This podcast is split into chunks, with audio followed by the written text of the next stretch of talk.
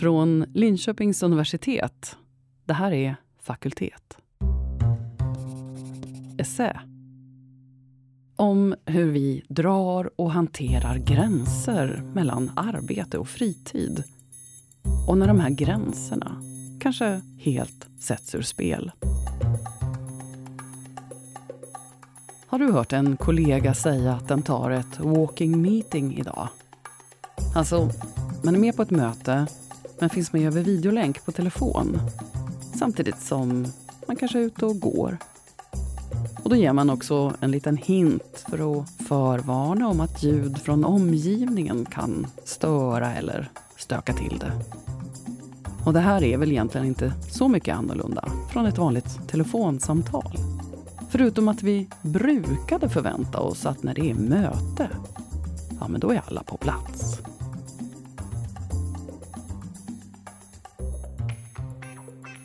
Coronapandemin har klart förändrat hur många av oss arbetar och även hur vi ser på arbetsplatsen. Varför åka till jobbet om vi kan stanna hemma? Och om det som vi tänker prata med kollegorna om inte är alldeles för hemligt, ja men då kan man väl lika gärna göra det på en promenad samtidigt. Och slippa vänta med promenaden till efter jobbet. Helt enkelt lite mer frihet, lite mer flexibilitet. Men med mera digitala inslag. Och kanske lite mer arbetsgrejer på köksbordet. Tänk om arbetsplatsen för många av oss går från att vara något som vi främst ser är till för arbete till att mer handla om det sociala. När det visar sig att arbetsuppgifterna går att göra ändå. Men kanske är det också fortfarande en fysisk gräns som många behöver mellan arbete och fritid. Ulf Melin är professor i informatik vid avdelningen för informationssystem och digitalisering. Han forskar om digitalisering i samhället och hur organisationer och individer både påverkar och påverkas av utveckling och användning av digitala tjänster. Han har tittat på de strategier vi använder mellan arbete och fritid. Hur gränser kan hanteras och hur gränser kan utmanas och omvärderas. Och när vi på så här kort tid och i så här hög utsträckning tagit ett långt kliv framåt i digitaliseringen och när vi upptäckt att saker fungerar och vi har lärt oss nya verktyg men också upptäckt nackdelar ja, då kan det kännas extra angeläget att fundera över vad vi egentligen vill med det digitala. Och hur brukar vi hantera gränser mellan arbete och fritid? Vilka kan vi behöva sätta? Och vilka kan vi kanske sudda ut?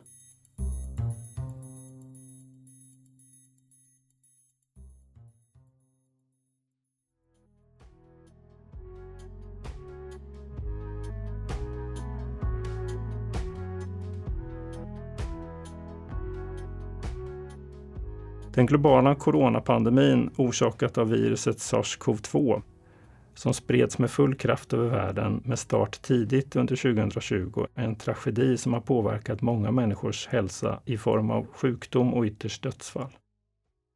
I all denna tragedi har vi som samhälle och individer också visat hänsyn och kreativitet i hur vi ska leva vår vardag under förändrade förutsättningar.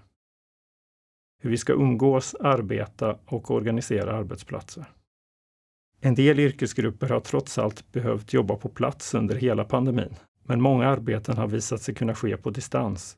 Sannolikt fler än de flesta av oss kunde föreställa oss före mars 2020. Men möjligt är en sak och önskvärt väl ibland en annan. Att arbeta hemifrån är ingen nyhet i sig, även om orsakerna, formerna och omfattningen förändras. Tankarna om att arbeta hemifrån har bland annat sin utgångspunkt i oljekrisens USA på 70-talet som ett möjligt alternativ till arbetspendling. Och på 80-talet i Sverige tänkte man att distansarbete kunde vara ett sätt för glesbygden att attrahera invånare. I slutet av 90-talet fick hemarbete ytterligare ett uppsving, men totalt arbetade ändå ett fåtal hemifrån. En intressant jämförelse med idag är att bara hälften av de 9% som arbetade hemifrån i Sverige hade tillgång till dator och det var ännu färre som faktiskt var uppkopplade. De som tidigare arbetat mycket på distans är personer inom bland annat kultursektorn, som frilansjournalister, författare och så vissa egenföretagare i konsultbranschen. Och det har fram tills nu varit ganska ovanligt sett till hela den svenska befolkningen.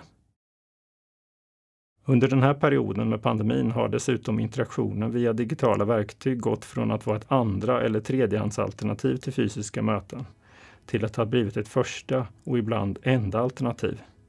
Liksom att arbeta hemifrån.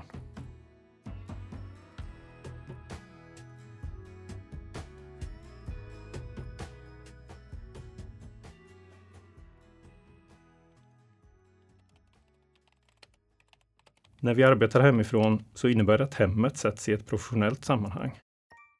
Och även många anser att hemmet kan ordnas rätt så bra för ett arbete. Men det finns utmaningar. Till exempel att riskera att bli störd av familjen och att själva arbetet inkräktar på vår bostadsyta och att arbetsplatsen man arrangerar kan behöva plockas fram och plockas bort. Där den uteblivna cykelturen till arbetet i kombination med att arbetet kanske sker vid köksbordet eller på annan plats som är förknippat med fritid är inte oproblematiskt. Transporterna och ledtiderna mellan arbete och privatliv blir korta, på gott och ont. Vi sparar tid och kanske minskar stressen och klimatavtrycken. Men den uteblivna förflyttningen kan också få negativa effekter på såväl vår fysiska som psykiska hälsa. Här finns det påtagliga spillover-effekter där känslor korsar gränsen mellan arbete och fritid. Och forskare i arbetsvetenskap rekommenderar därför ofta att de facto planera in tid för återhämtning, liksom en fysisk separering av arbete och fritid.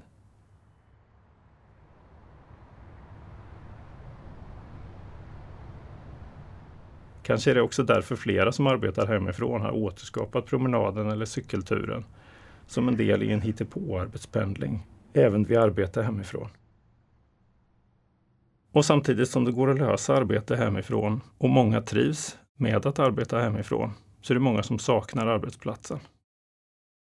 Och visst blir det ofta mer utmanande, eller i alla fall annorlunda, att hålla samman en organisation på distans.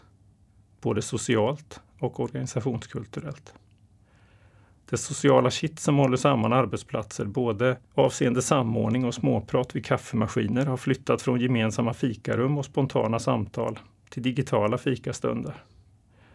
Vi kan kalla dem digifika, zoomfika eller liknande.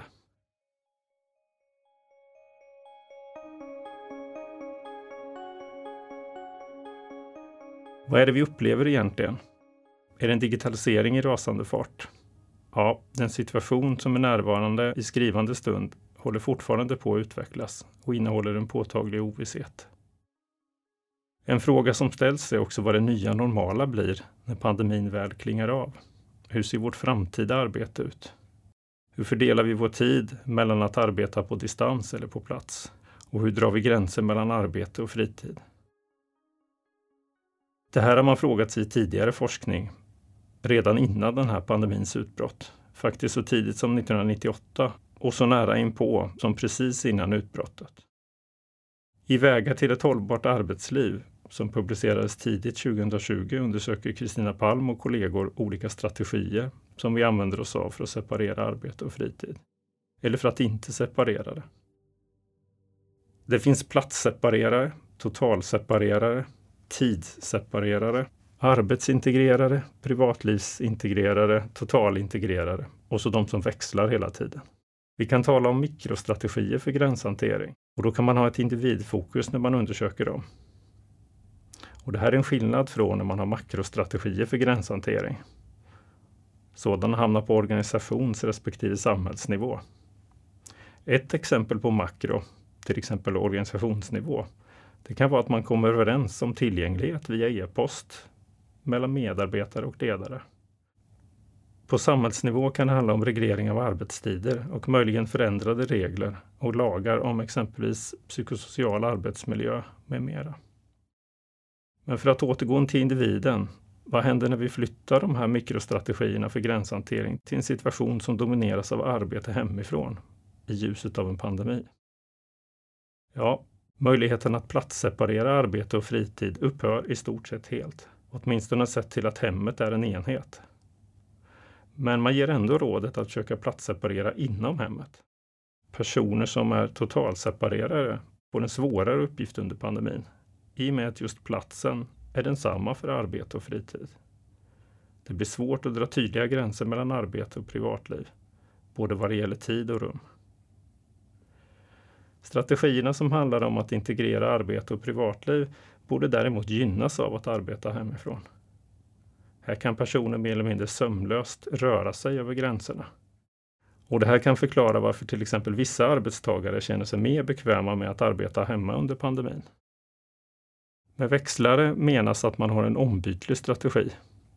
En växlingsstrategi är mer svårbedömd, men det torde enligt de här resonemangen vara möjlighet att fortsätta växla, fast mellan färre typer av strategier. Det blir lättare att integrera och kanske svårare att separera och ibland inte heller möjligt att totalseparera. Vi kan bevisligen inte ta gränserna för givna, men de här utmanas och omprövas återkommande och tenderar också i vanliga fall att luckras upp över tid. Inte bara via teknisk utveckling, utan också kulturellt och mentalt. Och ibland också påverkat av avtal och lagar. Den situation vi befinner oss i, här och nu, kan vara en illustration av när olika gränser utmanas och förflyttas. Och för att sammanfatta vad som händer med dem så kan vi säga att platsseparerande, det kan göras i begränsad utsträckning eller ibland bli en omöjlighet vid arbete hemifrån. Tidsseparering blir mer utmanande vid hemarbete. Arbetsintegrerande underlättas å andra sidan av arbete hemifrån. Privatlivsintegrerande underlättas också av arbete hemifrån. Totalintegrerande underlättas också av arbete hemifrån. En växlande strategi är fortfarande möjlig, men valmöjligheter och möjliga kombinationer minskar vid arbete hemifrån. Det blir viktigt att vi studerar styrkan eller svagheterna i gränserna för att också kunna hantera dem. Exempelvis kan en arbetstagare behöva vara tillgänglig och nåbar för arbete i stort sett när som helst i tid och i rum. Det här skulle kunna vara ett exempel på en svag gräns mellan arbete och fritid. Det exemplet skulle kunna motsvara arbetsintegreraren, där arbetslivet tillåts komma in i fritiden, men också privatlivet. I det här fallet behöver det därmed inte, även om det är möjligt, finnas en riktning åt andra hållet. Alltså att privatlivet tillåts komma in i arbetslivet på samma sätt. Det skulle i så fall motsvara privatlivsintegreraren eller totalintegreraren. Oavsett riktning och genomtränglighet så är det viktigt att utveckla mer kunskap om hur vi tillåter och förväntas låta arbete och privatliv integreras eller separeras. Därför det var ju det här också med makrostrategier. För vi behöver ju såklart också diskutera gränserna både på individuell nivå och på institutionell nivå. Alltså mikro och makro. Eftersom strategierna för hur vi drar gränser inte alltid är upp till oss själva utan påverkas av organisationen som i sin tur påverkas av samhället, omgivande händelser, styrande normer, kultur, regler och lagar. Makronivån för gränshantering handlar också på så sätt om hur man på samhällsnivå och organisationsnivå skapar ramar och förutsättningar. Vad gäller gränshanteringsstrategier på makronivå så blir de här en del av såväl ett ledarskap som ett medarbetarskap i organisationer. För en arbetsgivare till exempel blir det en viktig del i sitt långtgående arbetsmiljöansvar att se till att det finns förutsättningar för att utöva ett gott arbete. Emellertid har det visat sig vara en utmaning vid långtgående arbete hemifrån. Sett till arbetsbelastning och volym, oro och ensamarbete och just gränsdragning mellan arbete och fritid. Jag ska berätta om ett forskningssamarbete mellan mig och kollegor som utfördes tillsammans med en myndighet. Vi påbörjade samarbetet under våren 2020 när myndigheten skulle göra medarbetarundersökningar för att analysera personalens arbete hemifrån och upplevelser av det. Medarbetarundersökningarna genomfördes vid två tillfällen. Det första mellan juni och mitten av augusti 2020 och det andra mellan mitten av december 2020 och mitten av januari 2021. Strax över 2000 anställda vid myndigheten fick möjlighet att svara på frågorna via digitala enkätverktyg. Svarsfrekvensen vid det första tillfället var 72 procent, alltså 1440 personer, och vid det andra 46 procent, det vill säga 920 personer. Jag fokuserar främst på den första undersökningsomgången eftersom svarsfrekvensen var högre och resultatet var färdigställt när jag skrev den här texten. Det andra resultatet sammanställdes i en enklare form, nära inpå den här texten. Och därför använder jag det resultatet mer som en grund för jämförelse. Om än en intressant sådan med tanke på att det utgör ännu en mättidpunkt. Allt som allt visar undersökningarna på att medarbetarnas intryck av att arbeta hemifrån till stor del är mycket positivt. Det förvånar oss över att det var så positivt. Och jag tänkte ge er några siffror på hur medarbetarna svarade. Det var 83 procent av medarbetarna vid myndigheten som arbetade hemifrån under våren och sommaren 2020. Och hela 78,3 procent anger i den första enkäten att de är nöjda, eller till och med mycket nöjda, med att arbeta hemifrån. Strax över 5 procent uppger att de är missnöjda eller mycket missnöjda med att jobba hemifrån. Och så i en mellankategori finns ungefär drygt 16 procent som varken är nöjda eller missnöjda. I den andra enkäten har andelen av de som är nöjda eller mycket nöjda sjunkit något, men är fortfarande i majoritet. Och det är en oförändrad andel som fortfarande anser att det är långsiktigt hållbart att arbeta hemifrån. Det visar sig alltså att de allra flesta tycker att arbetet hemifrån är lika bra eller till och med bättre jämfört med att vara på plats på kontoret. Även om siffrorna varierar lite grann mellan den första och den andra studien de flesta anser sig dessutom vara lika eller till och med mer kreativa i sitt arbete hemifrån som på plats. Det är bara runt 10% som svarar att deras välbefinnande i arbetet har blivit sämre än tidigare och en liknande andel som anser sig ha blivit mindre kreativa i arbetet hemifrån. Det finns dessutom återkommande mönster kring att arbete hemifrån ger en ökad arbetsro med färre störande moment än vid arbetsplatsen och att stressen både i arbetsliv och privatliv har minskat. Minskad restid, flexibla arbetsformer, möjligheten att styra över sin egen tid och också uppfattningen om att möten har blivit allt mer effektiva. Det är också återkommande kommentarer. Och apropå gränshantering så redovisar en hög andel av de svarande, närmare 70 procent vid den första studien och 58 procent i den andra studien, att de tar pauser i arbetet när de behöver det.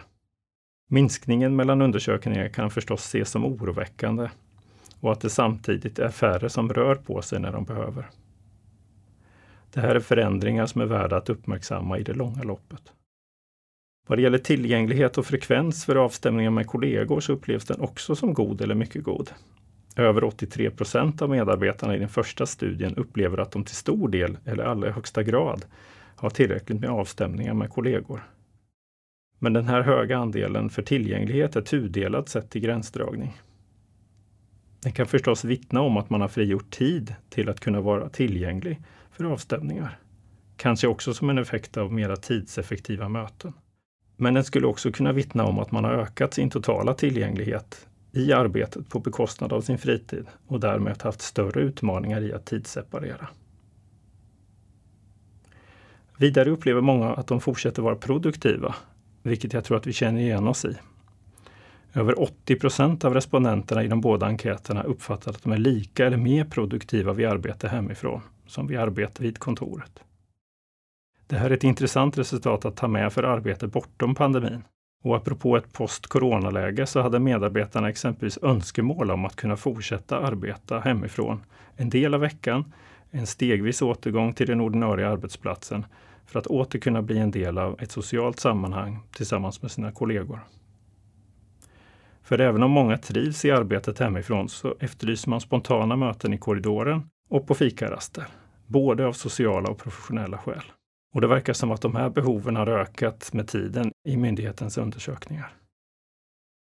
Man frågade också hur medarbetare såg på att fortsätta med digitala möten som ett alternativ till det fysiska och I den första studien ser vi att över 80 procent svarar att man upplever det till stor del eller i allra högsta grad finns möten som kan fortsätta vara digitala.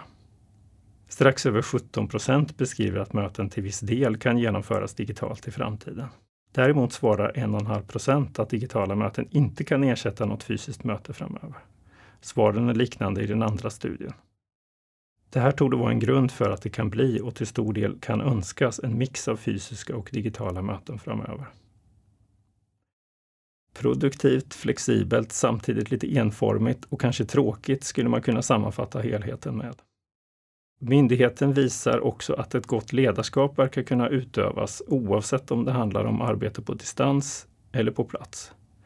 Och vi drar slutsatsen att arbetsplatsens utformning är lika viktig oavsett varifrån vi arbetar, hemifrån eller på kontoret. Likaså betonar man också behovet av att kunna vara ostörd och få arbetsro, oavsett plats. Här erbjuder förstås kontoret och hemmet olika möjligheter beroende på situation. Den här undersökningen är visserligen ett exempel på hur arbete hemifrån upplevs på en arbetsplats inom en myndighet. Men vad kan vi ändå lära oss av det?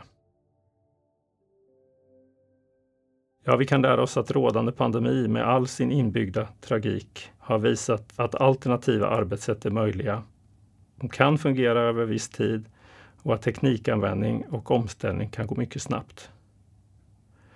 Det visar också att omställningen har landat positivt eller till och med mycket positivt i en organisation. Det här hade troligen inte varit möjligt eller på bredden ens ha övervägts om det här extraordinära läget inte hade uppkommit. När arbete hemifrån gick till att vara ett andrahandsalternativ till ett förstahandsalternativ och ett faktum för många, tillsammans med en ökad användning av digitala verktyg för bland annat möten, så finns det flera lärdomar att dra.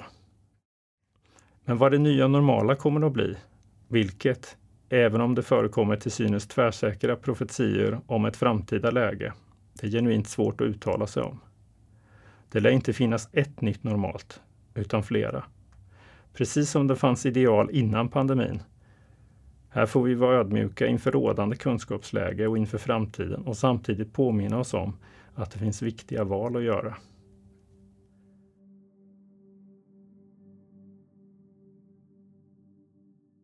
Jag vill avsluta med att diskutera fyra punkter som handlar om vad vi kan lära oss av arbetet hemifrån i ljuset av pandemin. Med sina tydliga element av digitala verktyg och såväl möjligheter som utmaningar. Och så framtidsscenarier. Arbete hemifrån och på ordinarie arbetsplats.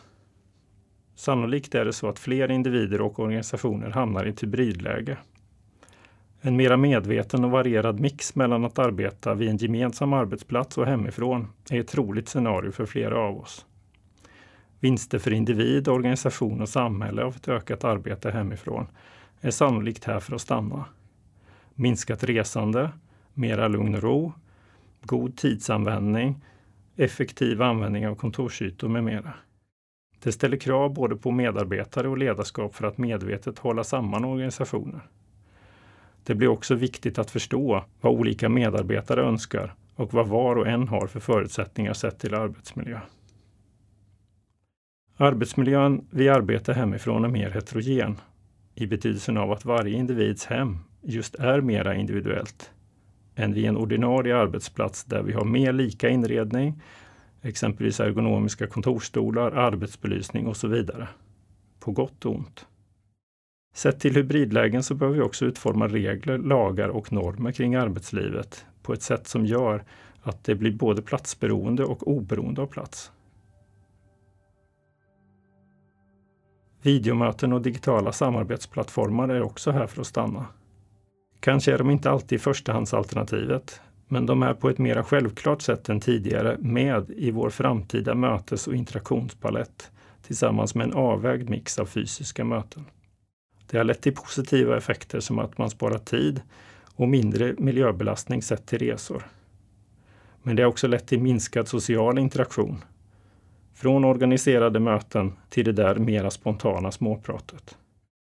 Och för att skapa goda och kreativa arbetssituationer behöver vi också i framtiden lära av och utgå från erfarenheter av digitala möten under den här tiden. I takt med att allt fler använder den här tekniken kommer användarkrav och användarbehov förnyas och utvecklas framöver. Och det här behöver tillgodoses av såväl teknik som tjänsteutvecklare inom interna och externa organisationer. Så när nu digitala möten och samarbeten är här för att stanna så behövs inte minst också ett arbete med kravställning på videomöten och samarbetsplattformar för standarder och kvalitet för ett fortsatt arbete i hybridform. Klargöra ambitionen med digitalisering, eller digitisering. Vad vill vi med tekniken? Vad är önskvärt och rimligt i vår användning av digitala verktyg? Digitisering eller digitalisering? Där digitisering innebär att vi visserligen använder ny teknik, men jobbar på hyfsat som vanligt med begränsad förändring, så som vi gör nu. En digitalisering däremot innebär att vi med ny teknik gör omfattande förändringar i vårt sätt att arbeta och organisera. Emellertid kan den situation vi befinner oss i här och nu som sagt kännetecknas av digitisering, utvecklas bredare och över tid bli till en mer omvälvande, transformerande digitalisering.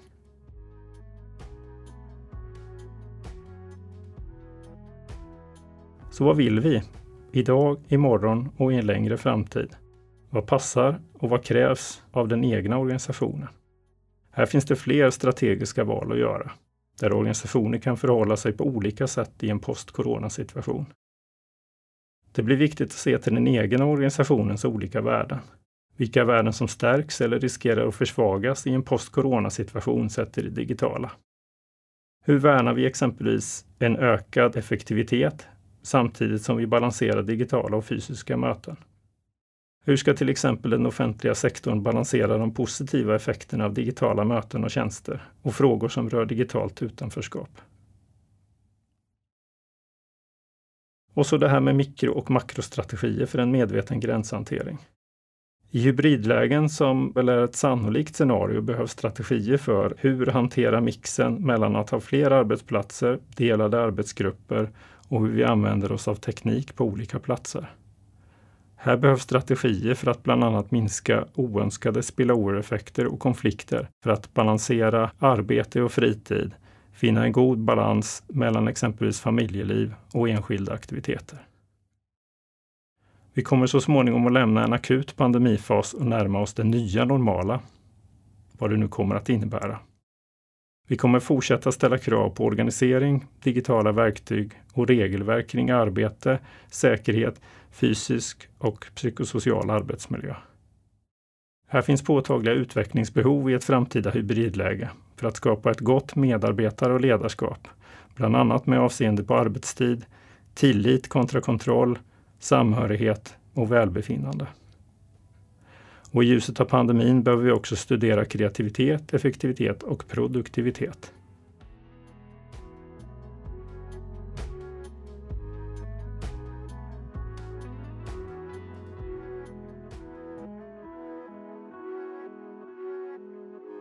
Behöver förstå och använda såväl makrostrategier som mikrostrategier för att reglera och utveckla villkoren för vårt framtida arbetsliv.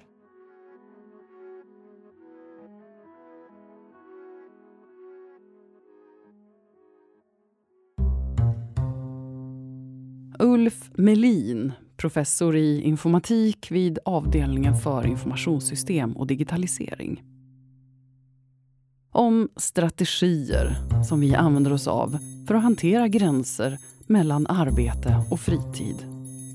Och om hur det finns en hel del beslut att fundera över kring det digitala.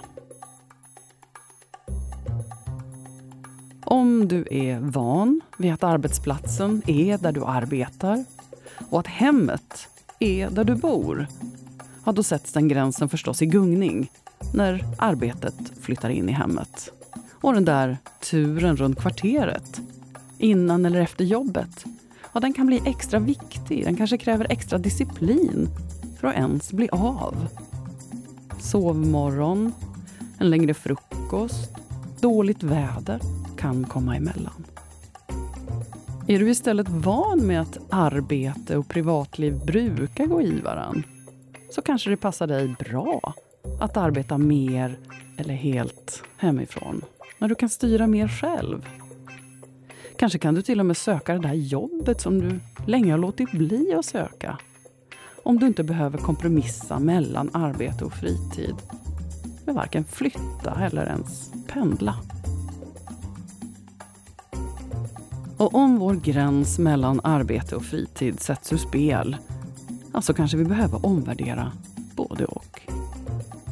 Om arbetsplatsen visar sig ha stor betydelse för dig socialt och så försvinner den.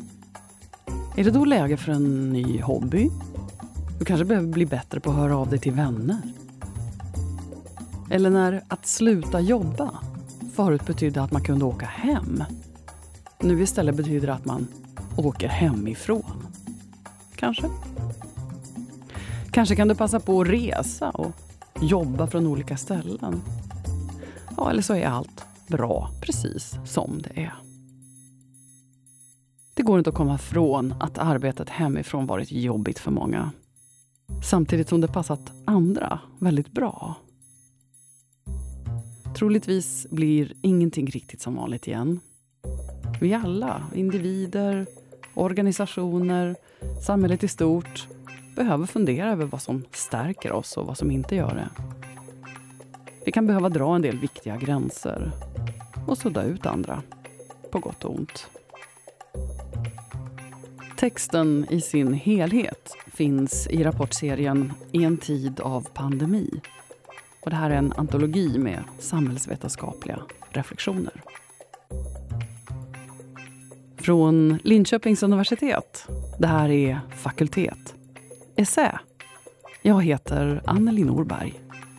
Och vill du lyssna på fler podcasts från Linköpings universitet så finns de där poddar finns. Eller på liu.se podcast. Vi hörs!